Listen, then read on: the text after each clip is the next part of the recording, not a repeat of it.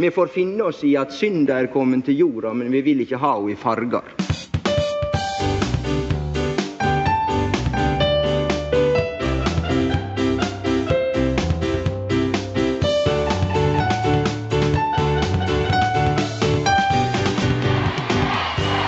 Velkommen til Einar Førdes fagfjernsyn. Vi er et politisk og populærkulturelt skravlekollektiv for folk trygt plassert på venstresiden. Og vi skal ha en spesialpodkast i dag hvor vi oppsummerer året som har vært. Eh, Og vi har jo eh, Ja, hva år er vi egentlig? Vi er i 2021, men det føles jo som en evig lang pandemi vi er midt inne i. Så her kommer denne uh, podkasten til å ta med seg ting både fra uh, 2020 og 2021. Og ja, Tøyga Filmrette kommer helt sikkert med et eller annet fra 70-tallet også, så det skal bli en god podkast hvor vi oppsummerer de beste låtene, de beste filmene, de beste seriene, de beste uh, magasinene. Eh, alt det beste som eh, hele dette fantastiske, eh, jævlige året har hatt eh, å, å by på. Eh, Med meg i dag så har vi meg Tøyga Filmreite og Stein Ove Lien. Jeg selv heter Pål Afse Thorsen, og dessverre så eh, har vår kjære Kari Bernardini meldt forfall eh, helt eh, på startstreken i dag. Men vi kjører på allikevel. Og Sten Ove, dette er jo på en måte høytid for deg. Altså lister. Det har jo en helt spesielt sterk plassering. Det finnes jo faktisk en bok som omhandler bare lister, og som vi mange ganger sitter på kafeer og har diskutert. Hva heter den boken igjen? Jeg, antar du snakker om uh, Nick Hornbys High Fidelity uh, nå, som også ble til en film med John Cusack på starten av eh, 2000-tallet. Den, eh, Bare for å begynne med det, da. eh, eh, jeg har, som du veldig godt vet, og vi har kjent hverandre siden jeg var sånn 16 år gammel, 15 eller noe sånt, eh, definert mye av livet mitt rundt å liksom eh, rangere og eh, vurdere forskjellige popkulturuttrykk. og Den eh, boka leste jeg jo når jeg var eh, veldig ung og satte stor pris på den da. Ettertid er jeg litt mer sånn tvilsomt forhold til den, fordi den liksom bekrefter en sånn idé om eh, hva eh, menn i min alder gjør ustanselig, og det er nettopp dette.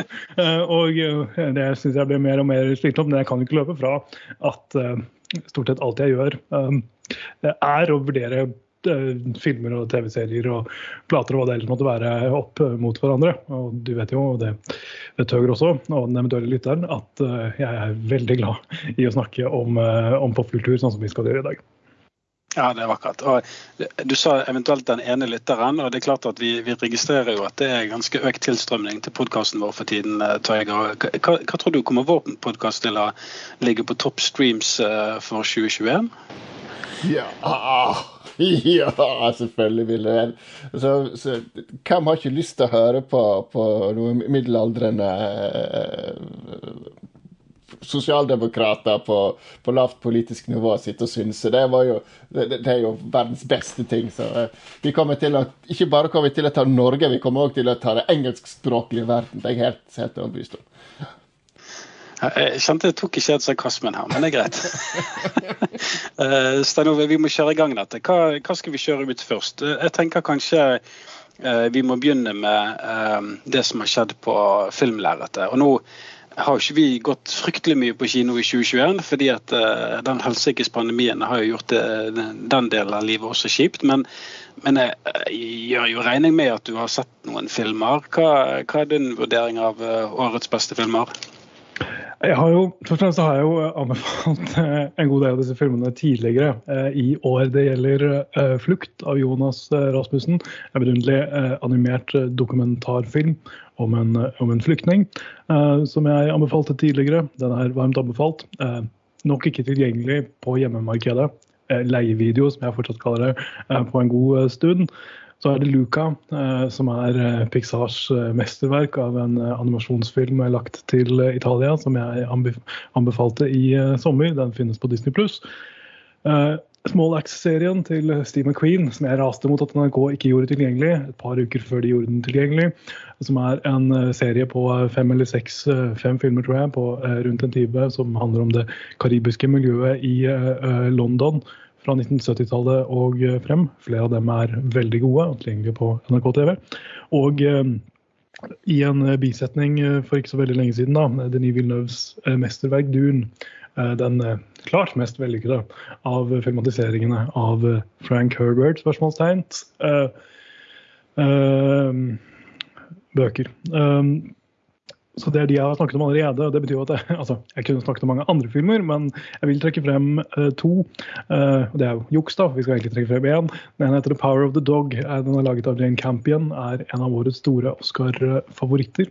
Den, den, ble lagt på Netflix for uh, noen uker siden. Det er en slags, sånn, slags westernfilm lagt til 1925, hvor brødrene Jesse Plemons og Benedict Cumberbatch, navnet på skuespillerne og ikke karakterene nødvendigvis, møter en familie med en eh, guttunge, spilt av Cody Smith eh, McPhee, som nok fortsatt er mest kjent som rollen som Viggo Mortensens sønn i The Road for i 2009 eller 2010. Eh, og hans mor, Kirsten, spilt av Kirsten Dunst. De har, Mannen i huset har dødd noen, en stund tidligere. Men, men Jesse Plemons karakter ender opp med å gifte seg med Kirsten Dunst, med Kirsten Dunst og og blir dermed en slags stefar for denne unge gutten, som er veldig utilpass og androgyn og ganske feminin, og passer ikke inn i liksom, kjønnsidealene i uh, det rurale Amerika på, på 1920-tallet, om du vil. Uh, og han havner i, et, uh, i en sånn klar motsetning til Benedict Cumberbatchs karakter, som er en innesluktet, veldig smart, men, men også voldsomt sånn macho og overveldende karakter, som også tyranniserer hele denne familien. Jeg skal ikke si noe mer om mer enn det. Den er Eh, fremragende spilt. Johnny Greenwood eh, fra Radiohead har laget musikken, hvis jeg ikke sier feil nå. Den er også, uh, den er også fremragende. Cody Smith McPhee gjør en helt overveldende uh, rolletolkning. Og dette er jo også Jane Campions uh, store sånn, comeback til filmlerretet. sist hun laget film var i 2010, tror jeg, med Bright Star, som også er en veldig god film. Flere av hennes tidligere filmer er nå tilgjengelige på Netflix og kan også anbefales. men Årets beste film, etter mitt eh, syn, eh, er 'Power of the Dog' av Jane Campion. Et kjapt ord også om 'Spontaneous', som er en eh, liten romantisk komedie, ungdomsromantisk komedie om du vil, som ingen har sett. Den finnes på jeg tror Paramount Plus, som ingen har. Med Charlie Plummer og Catherine Langford i hovedrollene. og Det er en film om en high school hvor Eh, klassekamerater eh, eksploderer uten at noen helt vet hvor. Hvordan. Eh, med ujevne mellomrom. Den er spesiell å se i 2021 fordi den, fordi den har i seg liksom den usikkerheten som pandemien også gjør med seg. Også, men så handler den jo da om hvordan dette får disse to ungdommene til å komme nærmere hverandre. Jeg fant den å være veldig rørende. Jeg vet ikke om det er planen, men den er også ganske morsom. Så jeg har et, et kjapt ord bare om en film som ingen har sett. Det er 'Spontaneous', som finnes på Paramount Plus. Eh, genialt, eh, Stenova. Jeg har Paramount Plus, så da skal jeg eh, ta og følge opp eh, det filmtipset der. at eh, den har jeg ikke sett. Ja, Tøygar, du merker jo at Sten Ove har gjort hjemmeleksen sin. hva er dine anbefalinger når det kommer til film? Oh, jeg, jeg, har gjort litt hjemmeleks i dag. Jeg visste at det kom. Så, men jeg, jeg, det, tar, det jeg tar Jeg har egentlig tenkt å, å, å anbefale én film. Uh, men så tenker jeg, vet du hva, jeg, jeg tar heller og, og anbefaler en, en, filmskaper som jeg er veldig glad i. Uh, og det her er Stanley Kubrick. Uh, han har laga noen av de filmene jeg har sett mest på. altså Jeg syns det er veldig spennende. han har gjort veldig mye kult. han begynte, dette er jo på, Vi skal tilbake til 50-60-tallet, da, han begynte sin filmkarriere. Stanley Kubrick. han har bl.a. laga filmatiseringen av Lolita. Den er i svart-hvitt. Eh, men den kan, kan du kanskje hoppe over, for det begynner å bli ganske interessant når han begynner å samarbeide med den eh, engelske skuespilleren Peter Sellers.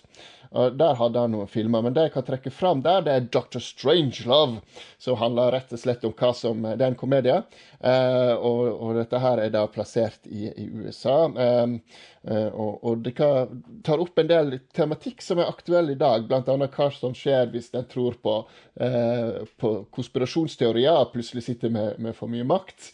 Eh, og, og, hva som skjer når plutselig en litt ubehagelig politisk ideologi eh, komme inn i en slags eh, avveining da, på, på hvordan en skal løse en, en, en, konflikt. Og dette handler da om atombomber.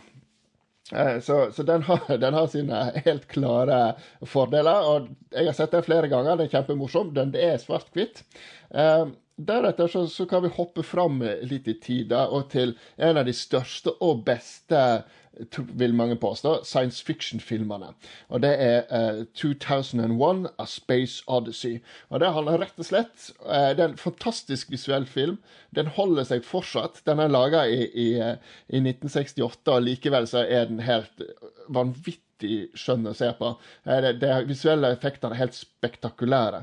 Eh, og, og de har noen helt legendariske scener, annet innledningen med, med, med, med, eh, med, Strauss sin, sin symfoni og noen apekatter som danser rundt en, en slags obelisk, en svart obelisk, og så eh, blir vi tatt videre inn i verdensrommet, altså mennesket sin, utvikling. Og så er, det, det er berøm, eh, eh, De reiser ut i verdensrommet, og, og det Stanley Kubrick har gjort som mange andre ikke har gjort, at det, er helt stille i verdensrommet. Det er vakuum der.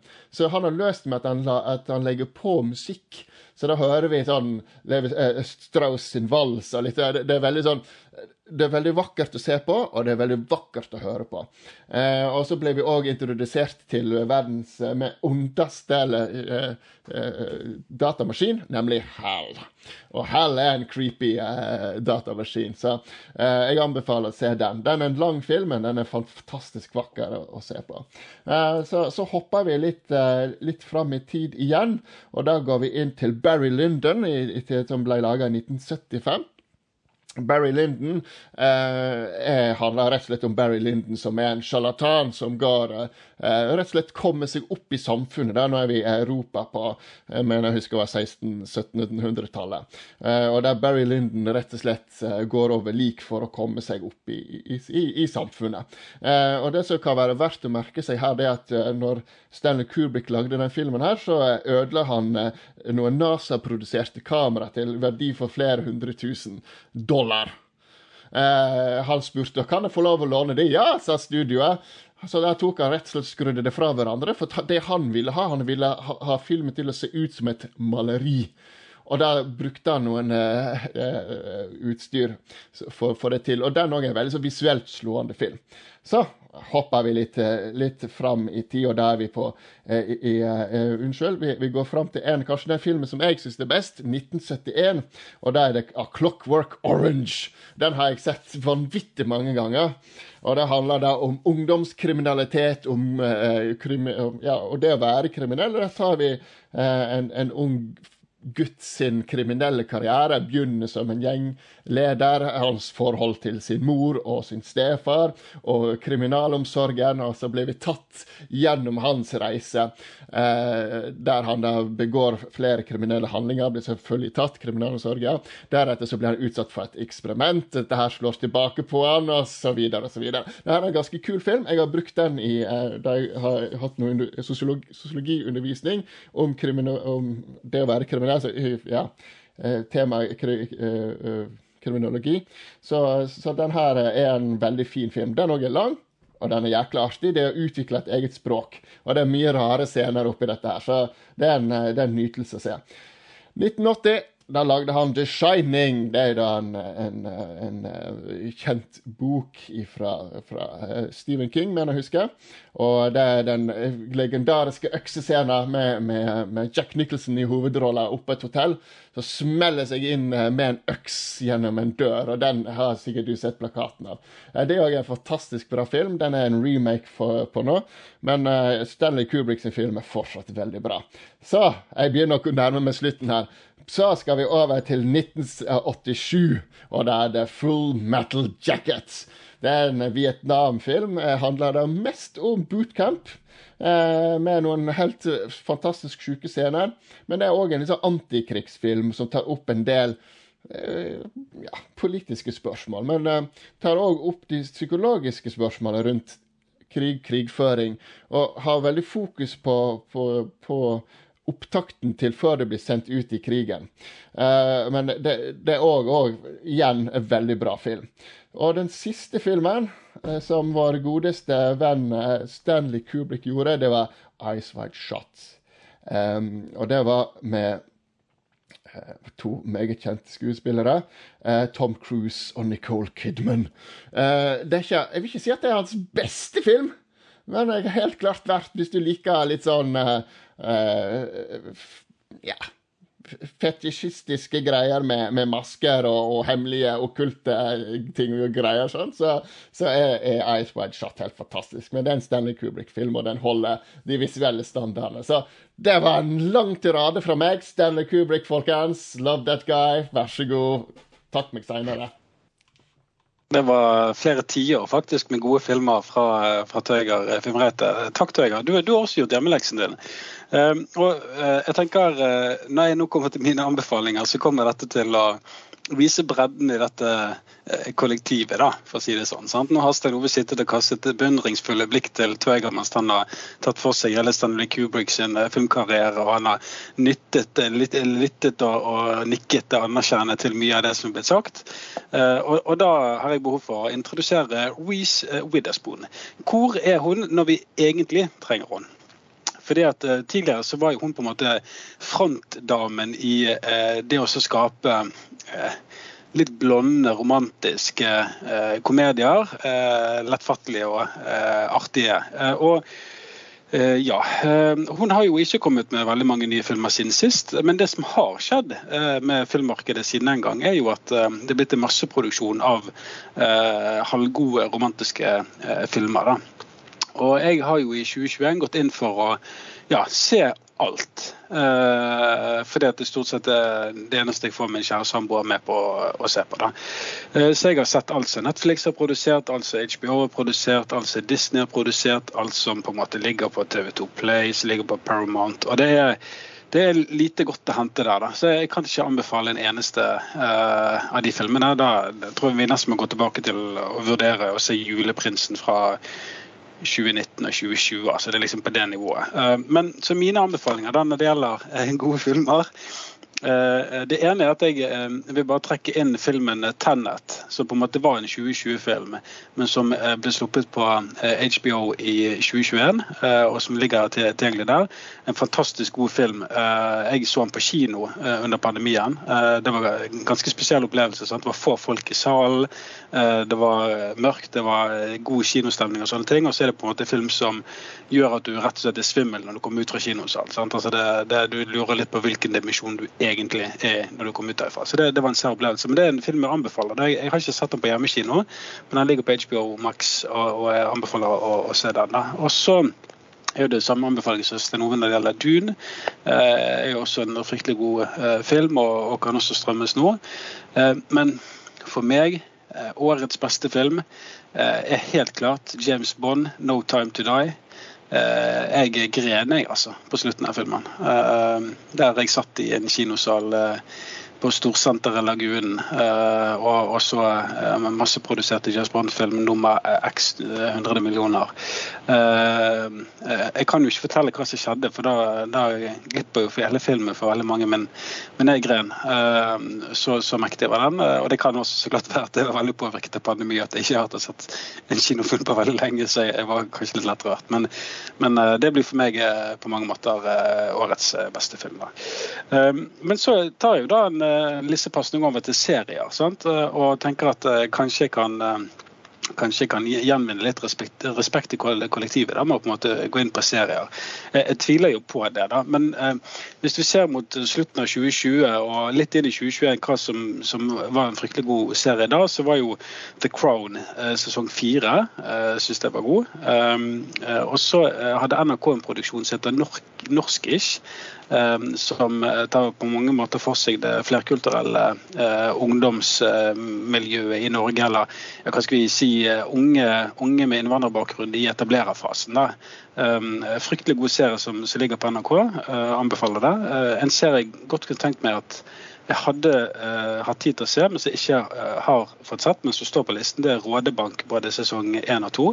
Sies å være fryktelig god. Um, noen ville kanskje anbefalt Squid Game. Jeg syns ikke Squid Game uh, var noe særlig. Jeg så uh, gjennom hele, hele, serien, men jeg syns den var, var helt, uh, helt, grusom. og så en serie jeg nå har begynt å se sammen med, med familien. Det er en som ligger på Apple sin streamingtjeneste som heter Sea. Og den er jeg vet ikke, Hele plottet er altså at hele jordens befolkning har på en måte mistet synet. da. Så det er bare en hel haug med blinde folk som kriger. og det er bare ja, Sesong én var liksom grei nok, sesong to er bare så slitne. For det går liksom fra god fightingfilm til på en måte å bli sånn politisk drama. sant? Hvor liksom ja, en blanding av politisk drama og på en måte at folk driver og stikker ut øynene på hverandre. Nei, altså Det er bare helt jævlig ser. Så jeg kan ikke anbefale den heller. da.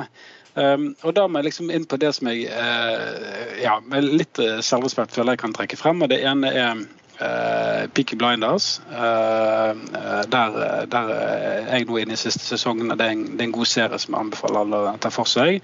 og så kommer jo en typisk Pål-anbefaling. serien som startet i 2010 og som nå snart skal få sin avrunding, det er jo The Walking Dead. Og For at jeg på en måte har klart å lide meg gjennom alle disse fagene og eksamen jeg har tatt nå gjennom pandemien, så jeg har altså sett meg gjennom alle sesongene på The Walking Dead. Og nå er jeg kommet til siste sesong. Jeg er kommet til siste sesong, og jeg, nå har jeg begynt å spare på episodene. Sant? For nå har jeg ikke lyst til at det skal ta slutt. Og nå føler jeg at nå, nå, er, det liksom, nå er det høytid hver episode jeg skal se. da. Så, så men min, kanskje en viktig anbefaling når det gjelder The Walking Dead, det er jo at det er viktig å ta pauser. For han er jo fryktelig bestialsk og eh, tidvis også ganske sadistisk. Eh, det kommer noen eh, sesonger helt mot slutten som er helt jævlige. Eh, så det er lurt å ta seg noen pauser innimellom og reflektere over livet uten zombier. Eh, og jeg regner jo med Stanova, at de anbefalingene jeg har kommet med nå når det gjelder serier, det er jo definitivt noe som ikke står på din liste. Det har du selvfølgelig rett i. Um, um, jeg skal ikke si så mye om de seriene. Jeg har ikke sett et minutt av Walking Dead. og har ikke noen, Det er jo fordi jeg ikke har noen interesse av det. Men, uh, men, jeg må si det er imponerende å se så mye av det. For det er vel sånn ti sesonger, ni sesonger eller sånt av det til nå. og det er uh, noe av en oppgave å sette seg inn i. Um, så har jeg jo ikke sett Squid Game, uh, men det har vi så vidt snakket om før. Uh, heller ikke en serie som appellerer til meg i det, i det hele tatt. Uh, her har jeg også snakket om noen av disse seriene på podkasten i løpet av året. selvfølgelig. En av dem er It's a Sin. Steve Davies veldig sånn veldig livsbejaende, men også selvfølgelig svært alvorlige aids-drama lagt til, til 1980-tallet, som ligger på HBO Max, er et, er et mesterverk på kun fem episoder. We Are Lady Parts om et punkband i London med en muslimsk jente i hovedrollen er også en veldig vittig liten, liten sak. Young Royals, den veldig såpete eh, svenske eh, ungdomsserien som har blitt et, ble et fenomen på Netflix i, eh, i, i sommer, er eh, eh, ujevn, men ekstremt underholdende. Og uh, Chucky, som jeg snakket om uh, forrige gang vi møttes, er jo også en veldig underholdende og overraskende vellykket slags, slags grøsserserie. Så er det jo mange serier jeg kunne sagt noe om, men vil, først så vil jeg trekke fram en serie som Nå skal jeg bryte mitt eget sånn absolutte prinsipp om å kunne snakke om ting fra 2021. og Det er fordi det kun finnes én sesong av den. Uh, og Den ble ikke uh, fornyet, og det har med pandemien å gjøre. og Den ligner litt på den serien som jeg skal snakke om etterpå. Den som jeg altså skal snakke om som ikke finnes lenger, eller som Norge finnes en, en sesong av, heter uh, I'm Not Okay With This, som kom i 2020. Det er en ungdomsserie med Sophia eh, Ellis, tror jeg, som spilte i uh, Muschetti-familiens uh, It-film, uh, It-filmer, uh, for et par år siden. Har blitt et fenomen pga. det. Det gjorde også Wyatt Olef, som spiller, spiller mot henne i denne serien. Det er en veldig underholdende liten sak med et sånn sci-fi-element som ble introdusert i den første sesongens aller siste scene, som en ekstremt tydelig cliffhanger. Så kom pandemien, og Netflix eh, kansellerte den. Og man får aldri vite noe mer om hva som skjer med den serien. Forferdelig trist. Eh, det er eh, jeg vet ikke om den har noe, noen verdi, hvis man kun kan se den ene sesongen, men jeg satte enormt stor pris på den. Men jeg skal snakke om en annen Netflix-serie, og den heter Never Have I Ever. Den finnes det to sesonger av. Den er skapt, i hvert fall delvis, av Mindy Kaling, som er en veldig produktiv og dyktig amerikansk komiserieskaper. Den handler om en ung indisk jente som hvis og dette er da et tema, hvis far nettopp er død, og nå må hun og hennes mor forholde seg til det, i tillegg til at hun jo da må forholde seg til det litt sånn vriene i å være eh, ung og del av en tradisjonell indisk eh, kultur eh, i Amerika. Men hun er veldig opptatt av å passe inn, og hun er opptatt av gutter og hun er opptatt av skolen. Hun er veldig skoleflink og er i et rivaliserende sånn, skole om hvem som skal være best i klassen med en av guttene i klassen. De har kjent hverandre hele livet, og, men har alltid liksom kranglet fordi det handler om hvem av dem som, som, som skal være best. Og så er det også da denne sånn, fotballspillergutten som hun sikler etter, men som det er litt problematisk å få uh, familiens uh, aksept til uh, til å, gå etter. og hun har også andre deler av familien sin som, som blander seg inn. Det handler en del om liksom, de aspektene med familiens, familiens, forventninger og hennes ønske om å leve en så normal ungdomstid som, som, mulig. Er, det er to sesonger av den. Og det genigrepet som jeg ikke helt kan forklare hvorfor fungerer så bra, er at eh, fortellerstemmen, som har en liksom eh, har rollen som hennes liksom, som sidekommentator og moralske samvittighet, eh, er uh, spilt inn av uh, John McEnroe, tennislegenden. Som jo er kjent for sitt uh, voldsomme temperament, og som har rollen som sarkastisk sidekick i denne serien. Det fungerer enormt godt. begge sesongene er strålende. og når man kommer til og har fått to sesonger, som begynner Netflix umiddelbart å flere ting. Men det, men det, kommer en tredje sesong. Det er veldig gledelig. Eh, årets beste TV-opplevelse for meg var eh, 'Never Have I Ever' på Netflix. Flott, Sten Ove. Eh, du da, Tveger, Har du kikket på noen serier i 2021? Ja, jeg har eh, jeg vil nevne spesielt én. Altså, uh, Walking Dead, fantastisk. Jeg har sett uh, samtlige episoder tilgjengelig på den. Det er jo akkurat eh, opp min gate der, kan du si, av, av litt gore og galskap. Så, så, eh, men jeg likte jo òg Squid Games. Jeg hadde, har, jo anbefalt den. Jeg syns den, den, er kjempebra. Men det er jo helt greit. Det, det er, uh, var en, en, en, miniserie på HBO. Eh, nå er det vel HBO Max, noe sånt heter det vel. Men, men dette er en litt sånn det var helt tilfeldig at jeg begynte å se på. Uh, og, og, det er en sånn sånn uh, i, i, sånn uh, Ikke true crime, holdt jeg det, det er helt feil, men sånn kriminalserie. Åtte deler. The Night Off. og det var en fantastisk Veldig sånn fengslende serie på et eller annet. Jeg ble bare sugd inn i, i, i handlingen. og, og jeg ble liksom tatt med på en reise der jeg ikke helt forventa hva som skulle skje. Og Det handler i hvert fall om at, eh, at en blir arrestert for, eh, for, for mordet på, på jente. Og så den, blir du tatt med på, på, hvordan den historien utvikler seg. da, og, og, og, eh, og så veksler du mellom har han gjort det, han ikke gjort det. Så det blir framlagt på en måte beviser. Du følger han og den reisen han tar, tar gjennom. Uh, gjennom ja, så du, du, liksom, du, ser den på, gjennom øynene til de som på en måte eh, etterforsker saker. Ikke helt det heller, men, men, du blir i hvert fall tatt med på en reise. Og den reisen er veldig OK. Og det, det handler rett og slett det, det, Og det er litt sånn litt, noen, noen, litt sånn på kanten scene, men uh, Night Off den, det er en ganske fengslende miniserie. Jeg syns det er rart de ikke lager flere av den. Jeg hadde egentlig forventa at de skulle, uh, skulle, lage flere, for den er egentlig uh, Det er en amerikanisert versjon av Criminal Justice, som er en engelsk-britisk serie. Men The Night Off er jo sånn akkurat passe polert og akkurat passe dumbed down, sånn at, at den eh, er storstilt underholdning og beholder spenningsmomentet. Så hvis du vil se en, en kriminalserie som, som eh, ja, tar deg med på en litt, litt, spennende reise og gir deg litt sånn Lurer deg litt, grann, i hvert fall lurte meg. Eh, I hvert fall The Night Off, HBO. Akkurat, akkurat, akkurat. Skal jeg stille et spørsmål, Pål? Uh, nå har vi gått gjennom alle disse TV-seriene, og ingen av oss har snakket om Succession, som jeg hadde regnet med at noen kom til å, uh, kom til å gjøre. Uh, jeg har jo vært uh, vi snakket En gang tidlig i pandemien så snakket vi om Succession sesong to. Uh, som jeg, og Den hadde jeg ikke sett på det daværende tidspunkt. og uttalte meg sånn noenlunde kritisk, fordi jeg syns alle karakterene er helt jævlige, og det er de jo. nå har jeg også sett sesong tre, og sesong to for den saks skyld, og jeg liker den bedre. Jeg har fortsatt det problemet med den serien at den har folk som jeg ikke liker, som gjør ting jeg ikke skjønner eller bryr meg om. men Eh, men den er jo det helt store, eh, helt store fenomenet. Så jeg vil bare høre om dere faktisk har sett den tredje sesongen av Succession, og hva dere mener om den.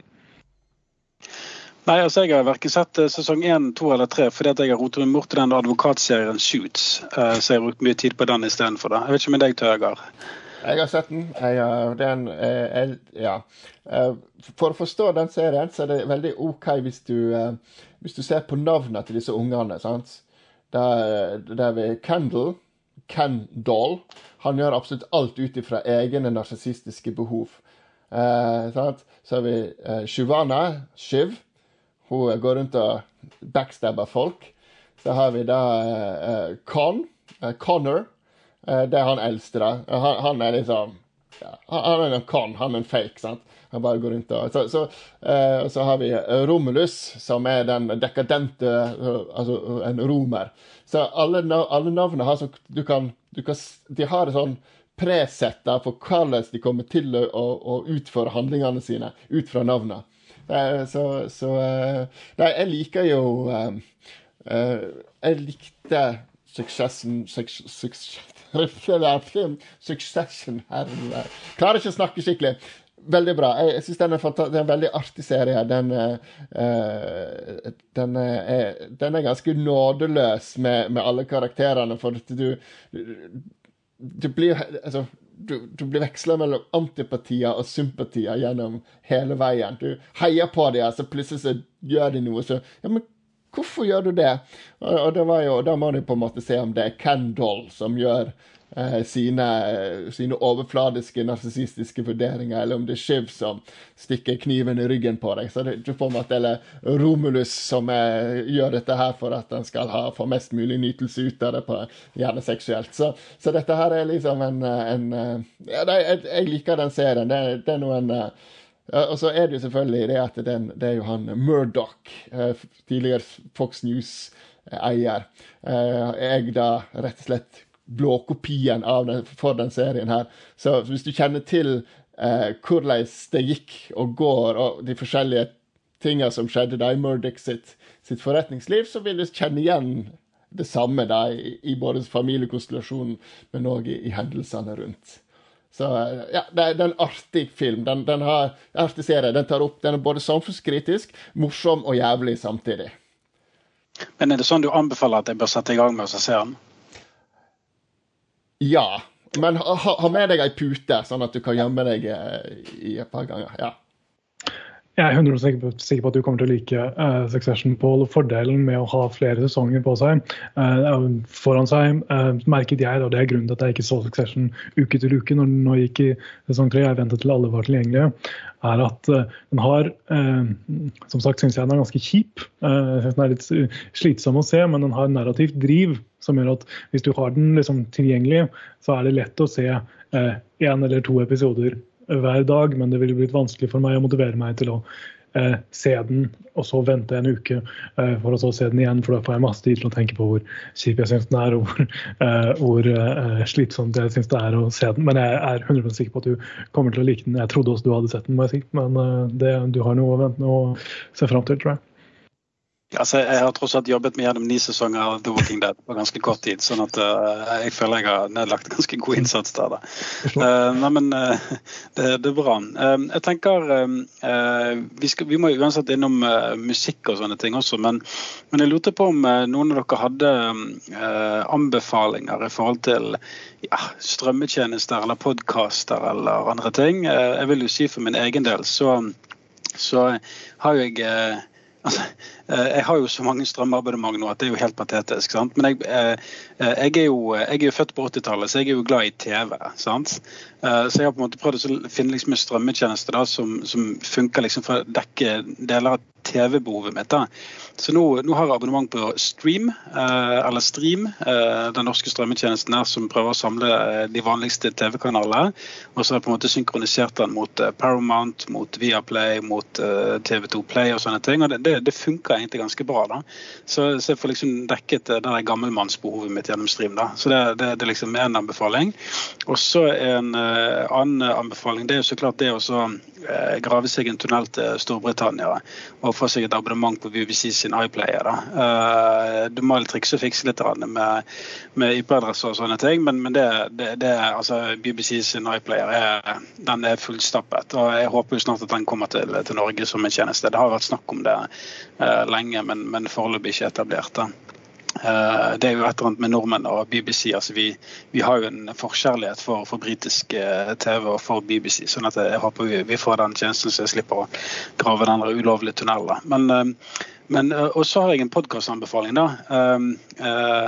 Og Det er rett og slett Lars Berrum og Martin Beyer-Olsen. De har en egen podkast som er nå flyttet til NRKs plattform, som heter Berrum og Beyer snakker om greier. Og jeg er Altså, Jeg er manisk opptatt av den podkasten. Jeg syns det er så jævlig tidlig. Og det er sånn, Jeg og trener eller går en tur på gaten, så hører jeg på podkasten deres, og jeg, altså, jeg går og ler høyt. Uh, for meg sjøl og hjertelig. Og jeg vet ikke, midt i dette helvetes pandemi-fuckete året, så versjon 2.0, så er det på en måte godt å ha et eller annet å lytte til som kan få deg til, til, å le litt. Så, så i hvert fall min sterkeste anbefaling det er å plukke opp podkasten til Bærum og Beyer snakke om greier på, på NRK. Eh, definitivt eh, kvalitet og utrolig eh, morsomt. Du Stenove, har du noe i det, det, varierte segmentet du har lyst til å komme med en eh, anbefaling på? Jeg har jo en streamingtjeneste til, da. Um, um, den, er, den, er, ikke spesielt kjent i, i Norge, men den, altså, den, har en del brukere. Men den heter Mubi. Uh, kommer ut av den opprinnelige nettsiden mubi.com som er en kuratert, eh, ganske sånn strengt kuratert uh, nettside med uh, stort sett ikke-amerikansk kvalitetsfilm fra ja, alle tiår. Uh, de legger til én ny film hver dag. De, I mange år så var prinsippet at de lå der i 30 dager, slik at du hadde 30 dager til å se filmen, og så forsvant den. Det var en nyttig sånn disiplinerende greie som gjorde det enklere å faktisk sette ned og få se disse ofte litt kompliserte eh, kunstfilmene. Nå har de utvidet en hel del og også fått et, en større back-katalog av liksom Osu og Kurosawa og eh, Godard og Almodovar og etc. Altså store filmkunstnere fra eh, utenfor Amerika. Eh, og også helt tilbake til liksom Fritz Lang på, på, og Chaplin på 10- og 20-tallet. Eh, så det er eh, Den har Det tilbudet som finnes på Mubi, finnes ingen andre steder. Det er det mest positive jeg kan Det er liksom selve eh, salgsargumentet for, for, eh, denne tjenesten. Det er jo litt prisgitt hva de, hva de legger ut, men eh, har man en eh, sterk interesse for film eh, og for filmhistorie, så er Mubi et utmerket eh, bud for eh, de de er ikke inne i kampen om de samme uh, filmpakkene som, uh, som, de andre strømmetjenestene. kan man i hvert fall si. Og De har også etter hvert begynt å få noen eksklusive nylanseringer, deriblant Kelly Rycards uh, fremragende First Cow, som gikk på kino i, i Norge i fire minutter en gang i høst, men som fikk sin strømmedebut og for så vidt tror jeg foreløpig kun er tilgjengelig fra Mubi, som også er en av årets beste filmer om når den første kuben kommer til en amerikansk by. Fremragende. Uh, så jeg kan, jeg kan anbefale Mubi. Men kan du stave for oss? Altså, for Nå prøvde jeg å søke opp. Var det Mubi eller Mu... Hva? Mubi.com. Ok, takk. takk. Drøger, har du noe som du um, har lyttet til eller sett til, eller um, sikret deg et eller annet strømmeabonnement til som du vil anbefale våre lyttere å sjekke ut? Ja, det må jo være altså, Jeg har jo de vanlige sånn HBO og Disney, så for at jeg har unger. Eh, altså, og, og, ja, Netflix, HBO eh, Jeg har til og med vært innom Amazon. Eh, men skal jeg, skal jeg anbefale en ja, i, i, i, den eh, i den ånden vi er i nå, da, så må jo faktisk det være NRK sine, sine apper og sine strømmetjenester. Både NRK TV og NRK på radio. Eh, der finner du alt innholdet nesten til, til NRK. Eh, og de viser f.eks. på nett-TV så viser de, de uh, serier og dokumentarer og program. Uh, uh, egenprodusert, ligger der for alltid. Uh, men så er det f.eks. utenlandske serier og sånne ting. Den ligger der en begrensa periode. Men uh, uh, så, så, der kan, du, der kan du se alt som går på NRK.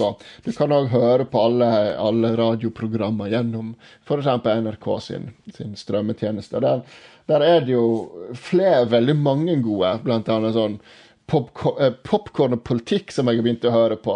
Eh, så, som en eh, veldig artig greie med, med der de bruker eh, populær, altså der de bruker film, film, og reklame for å forklare politikk. Så, så, er det to middelaldrende menn med masse god giv eh, som, som, holder den. Eh, så, så den, er, den, er, veldig fin. Men du finner, du finner alt innholdet der som NRK lager.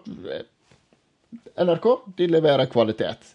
Så Sjekk den ut. Og ja, så det er òg for deg, Pål. For der kan du òg På den TV-appen der kan du bare trykke, så kan du se lineær-TV. NRK lineær-TV.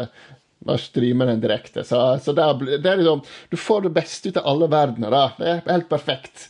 Sånn Kinderegg. Jo, takk for det. Jeg kan jo si det sånn da, at når jeg her for noen år siden kjøpte nytt hus, så var hele planen det var å, bare eh, basere huset mitt på internett. Sant? Sånn at jeg skulle ikke ha noe inn. Så måte, så jeg, planen var, plan A det var på en måte å faktisk bare ha NRK sine kanaler på TV og bare forholde meg til det. Det holdt i ca. en måned. Um, uh, og så uh, var jeg fucked og måtte ha alt abonnement på alt annet. Så uh, egentlig så, så, burde jo jeg bare kjøpt en sånn TV, riks-TV-pakkegreie. Jeg hadde sikkert kommet bedre ut av det økonomisk, da. Men, men, så er det jo dette her med at uh, vi går jo fem på det, og så har vi plutselig abonnement på alle typer strømmetjenester, for det har vært en eller annen film eller serie, og så glemmer du ikke opp abonnementet. Så når banken din forteller deg hva du har betalt abonnement på i løpet av 20 2021 så bare ser du at det har rent ut tusenlapper i all verdens tull som eh, du burde ha stoppet på et eller annet tidspunkt. Men, men, men for all del. Det er jo, det er jo veldig eh, lett tilgjengelig for oss da, eh, å se filmer og, og, serier og sånne ting. Så det, det, det er i hvert fall en fordel. Men eh, er det Vi vet jo, Sten Ove, altså du, du har jo rytmen i deg. altså det, det, Når det kommer til musikk, så er det jo eh, du er jo en rocker ute på, på dansegulvet når anledningen byr seg. Eh, så hva, hva, har løftet litt på dansefoten din nå i, i 2021? Jeg vet ikke hva du snakker om nå, men um, jeg har um, kronisk dårlig samvittighet for at jeg ikke hører på tilstrekkelig mye ny uh, musikk. Det tror jeg mange, uh, mange har. Jeg er ikke, jeg er ikke av dem som hører liksom uh, Musikkradio det har jeg ikke gjort på, på, mange år. Det er litt av grunnen til at jeg liksom faller litt sånn utenfor. Uh, og jeg hører ikke liksom på liksom, streaminglister over ny musikk og sånne ting. Uh, så jeg faller jo gjerne tilbake til det jeg alltid har hørt på. og Det er en 12-15 artister som går igjen. og det er, liksom, det er nok en opplevelse mange har av nå som all musikk er tilgjengelig via streaming. At man går til det man kjenner fra, uh, fra før av, og det som man ville ha kjøpt på CD på, på 2000-tallet. Liksom. Det gjør jeg også. jeg har hørt noen få nye album jeg har likt uh, veldig godt. Og for å være true to form, da, så er mitt favorittalbum fra uh, 2021 uh, Olivia Rodrigos uh, 'Sour', som uh, utkom i vår. og som er jo da albumet som fulgte singelsensasjonen 'Driver's License' helt tilbake i januar. Olivia Rodrigo er 18 år gammel eh, og har bakgrunn fra en eh, TV-serie som ligger på Disney Plus, som heter High School Musical, The Musical The Series. Som er en eh, nyinnspilling av de vi får vel si, klassiske uh, musikalfilmene fra uh, 2000-tallet. Uh, det gjorde at Olivia Rodrigo hadde et publikum, et ungt ungt publikum i bånn allerede før hun ga ut sin første soloplate. Det som er uvant med den plata, er at den er, har en mye mer sånn voksen og litt sånn punkaktig uh, sensibilitet over seg, i hvert fall i enkelte uh, av sporene, som ikke ville vært sånn som ville passere Disney-systemet for bare liksom ti år siden. Det er også lov å banne på, på plate nå, selv om du har en TV-serie uh, i, i Disney-systemet, åpenbart. Det er Ti låter på den. Eh, minst seks av dem er fantastiske. Eh, aller beste av dem er eh, Good for you, med et firetall og det hele. Men også Drivers License og en rekke andre er, er låter jeg har kommet tilbake til gjennom hele året. Det er også en hel masse med sånn Twitter-skapt melodrama rundt Olivia Rodrigos person og hennes eventuelle forhold eller ikke til sin, hennes motspiller Joshua Bassett fra High School Musical. Og de har skrevet en masse låter som skal handle om hverandre, om motlåter og etc., slik man kjenner fra tidligere. Det er ikke tid til å gå inn i. Eh, men det har eh, skapt enda mer oppmerksomhet eh, rundt henne. Men debutalbumet Sour er mesterlig. Også et, en en, en shout-out til Brandy Carlisle, som har gitt ut et uh, album for året. Jeg snakket om henne også en gang tidligere i høst. Det albumet heter In These Silent Days og er et uh, skal vi si country rock-album som er uh, helt aldeles fremragende. Glimrende. Uh, Tøyga, da, du med utgangspunkt i uh, hårsveisen, så, så uh, hører du jo på musikk. Uh, den Kanskje den litt mer rocka-varianten. Få høre. Ja, nei, nei, altså, jeg er jo sånn Jeg, jeg lytter mye på musikk. Jeg, jeg, og, og har, jeg har, har, masse lister jeg driver på å høre på, men greia mi med samtidsmusikk, for å kalle det, det er at det, egentlig alt er så jækla blend. Det er alt, alt er bare sånn Det er overprodusert, og så er det putta inn i en sånn uh, slags uh, repeater.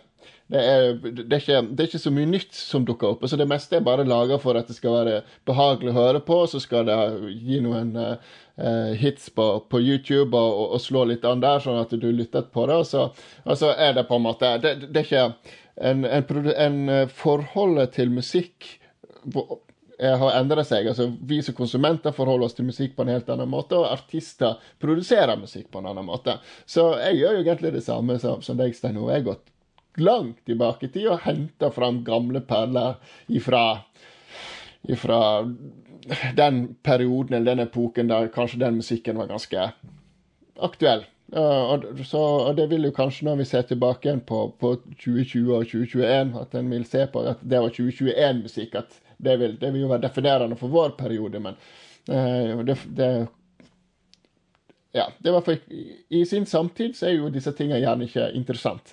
Men noe som var interessant i sin samtid, og da snakker vi om 1966, da kom det ut et album som het Freak Out. Eh, og dette her da var debutalbumet til uh, The Mothers of Invention. Og The Mothers of Invention er, som du kanskje kjenner til, bandet til Frank Zappa. Um, ja, dette her et, eh, ble da spilt inn i, i, i Los Angeles. Um, og, og, Frank Zappa er det han som står for tekstene. Og det er rett og slett en satire over dagen, den altså, 1966 Uh, og, og, samfunnet da. Så dette her er et, et, et album med masse små sa, uh, sanger laga i den uh, tidsånd. Og um, det er da og I tillegg så har det òg en del sånn effekter inni seg, og litt sånn surrealistiske ting. Men det er tekstene som er viktige her. Og uh, Frank Zappa og The Mothers of Invention de sparker i nesten alle retninger. De sparker mot hippiebevegelsen, de sparker mot politiet, de sparker mot foreldregenerasjonen. De, de, de radbrekker nesten hele det amerikanske samfunnet av 1966. Så um, den, uh, I tillegg til at det òg har gode musikalske kvaliteter opptaks, Opptaket er jo fra 1966, det er litt skrapete, og sånn, men hvis du klarer å se forbi kvaliteten uh, og, og, rett og slett lytte til musikken, så er det veldig høy kvalitet på den musikken som kommer ut der. Det er relativt korte sanger, for det, har en sånn den 1960-lengden uh, um, på, på, som en amerikansk singel. Det, det, det, var på, på mellom jeg tror jeg husker 45 uh, Ca. et minutt, et minutt og et halvt. Sant? Dagens uh, sanger er gjerne tre-fire minutter. Uh, mens det, uh, den tida så var de kortere. Så det er relativt korte sanger. Det er ganske mange sanger, og de, de er veldig ulike. Så uh, Freak Out, Mothers of Invention, en satirisk kommentar til 1966 sitt samfunn. Yes, sir. Du kan lytte på den på Spotify. Vakkert, vakkert. Jeg er jo av de som fremdeles hører på radio hele tiden, hver dag. da. og jeg, det, jeg er jo definitivt ikke målgruppen, men, men jeg hører altså fremdeles på P3. Og, og, når du da hører på P3, så blir du jo relativt oppdatert på på eh, musikk, ny musikk, eh, men kanskje spesielt på norsk musikk. da. Så eh, jeg merker jo at veldig mye av det jeg hører på i det daglige, er jo rett og slett norsk. Norske ungdommer som har gitt ut låter. Og da er det jo sånn at damene de har artistnavn som er fornavnet deres, og så herrene både fornavn og etternavn. da. Så, jeg hører jo på en måte på Sigrid, Chris Holsen, Astrid S, Dagny, Stig Brenner, Kamel, eh, Emilie Nicolas. Eh, men så vil jeg kanskje spesielt trekke frem Girl in Red. Da. Hun, hun er bra. Marie Ulvheim, nei, Ulven Ringheim. Jeg tror faktisk hun begynte som artist i 2015. Og allerede nå så har hun jo Hun brøt vel lydmuren i 2018, tror jeg, og allerede nå har slått veldig kraftig gjennom internasjonalt. da. Så jeg tenker eh, det albumet hun har gitt ut, uh, 'If I Could Make It Go Quiet', er jo et fantastisk album. Og har fått internasjonal anerkjennelse. Så jeg tror, jeg tror det blir, blir årets anbefaling fra meg. Men det er klart Adele har jo kommet med nytt album. og hvis du er opptatt av singalong uh, for deg sjøl i bilen, så er jo Adele alltid glitrende å høre på. da. Så jeg skal ikke legge skjul på at, at jeg hører på det også. da. så det, det, tror jeg er det jeg hører på. vi har jo pløyd gjennom filmer og musikk og ja, litt forskjellige varierte anbefalinger. Er det, er det noen andre ting panelet her nå har et sterkt behov for å anbefale når vi nå har oppsummert 2021 kjapt og gale? Eh, har du noe på hjertet, Sten? Jeg tror egentlig jeg har kommet gjennom det meste. Jeg må uh, varmt skrive under på 'Girl in Red', som var den tredje tittelen som jeg lette etter og ikke klarte å finne uh, når jeg skulle uh, finne musikkanbefalingene mine. Utover det så vet jeg ikke om jeg altså, Det finnes andre ting jeg kan snakke om, men vi har også holdt på en god stund. og jeg har anbefalt fryktelig mye, så jeg tror jeg skal la det bli med det. Ja, Du da, Torgeir. Har du også tømt deg? Ja, det meste er nok allerede sagt. Ja, det, det, er nydelig. Nei, men da, da, har vi gjort en god jobb, gutter. Eh, så da hilser vi hjem til Eh, vår kjære Kari Bernardini og håper at hun gjør raskt eh, comeback igjen i neste episode av podkasten. Um, uh, og dette er jo da et uh, politisk og populærkulturelt skravlekollektiv som kaller seg Einar Førdes fargefjernsyn. Og vi sliter litt med jinglen vår. Uh, Tøger Fimreite vil at vi skal bytte ut jingle fra dette halvnykommunistiske som introduserer episodene våre til vanlig. Og hvis du som lytter har et tips til hvordan jinglen vår egentlig bør være, så må du Eh, sende ett ord i eh, innboksen til en av panelets deltakere. Eh, og så skal Tøger prøve å komme med en ny jingle med utgangspunkt i det. vi, kan, vi, kan det, vi, kan, gjøre det, såpass enkelt. At Fimreite på Twitter. Send Tøger Fimreite ett ord om podkasten. Det er bra. det er bra. Og så venter vi jo eh, på at folk både fra øst og vest og nord og syd eh, nå hiver seg over Twitter for å Jeg er litt fornøyd med at du juksa, Pål. Jeg syns dette her Nå prøver du å finne ut at uh, Unngå å gjøre innsats sjøl her. Hellene. Jeg mener Det er helt umulig å komme ett ord og oppsummere denne podkasten, fordi at eh, den er så mangfoldig og sinnssyk at, uh, at, det er helt umulig å bare bruke ett uh, et enkelt ord. Men hvis noen av våre kjære lyttere, og kanskje spesielt våre trofaste lyttere på Ågotnes, har noe å melde, så tar vi hjertelig imot det. Um, dette er sannsynligvis årets siste podkast, så da vil vi få lov å takke alle for følget. og hvis du liker det du hører på, så er det faktisk mulig å abonnere på podkasten vår i de forskjellige lyttemekanismene som du ellers benytter til å høre på ting. Eh, og så ønsker vi folk et riktig godt eh, nyttår, og ja, ser frem til eh, et nytt helvetes 2022 i pandemiens tegn. På gjenhør.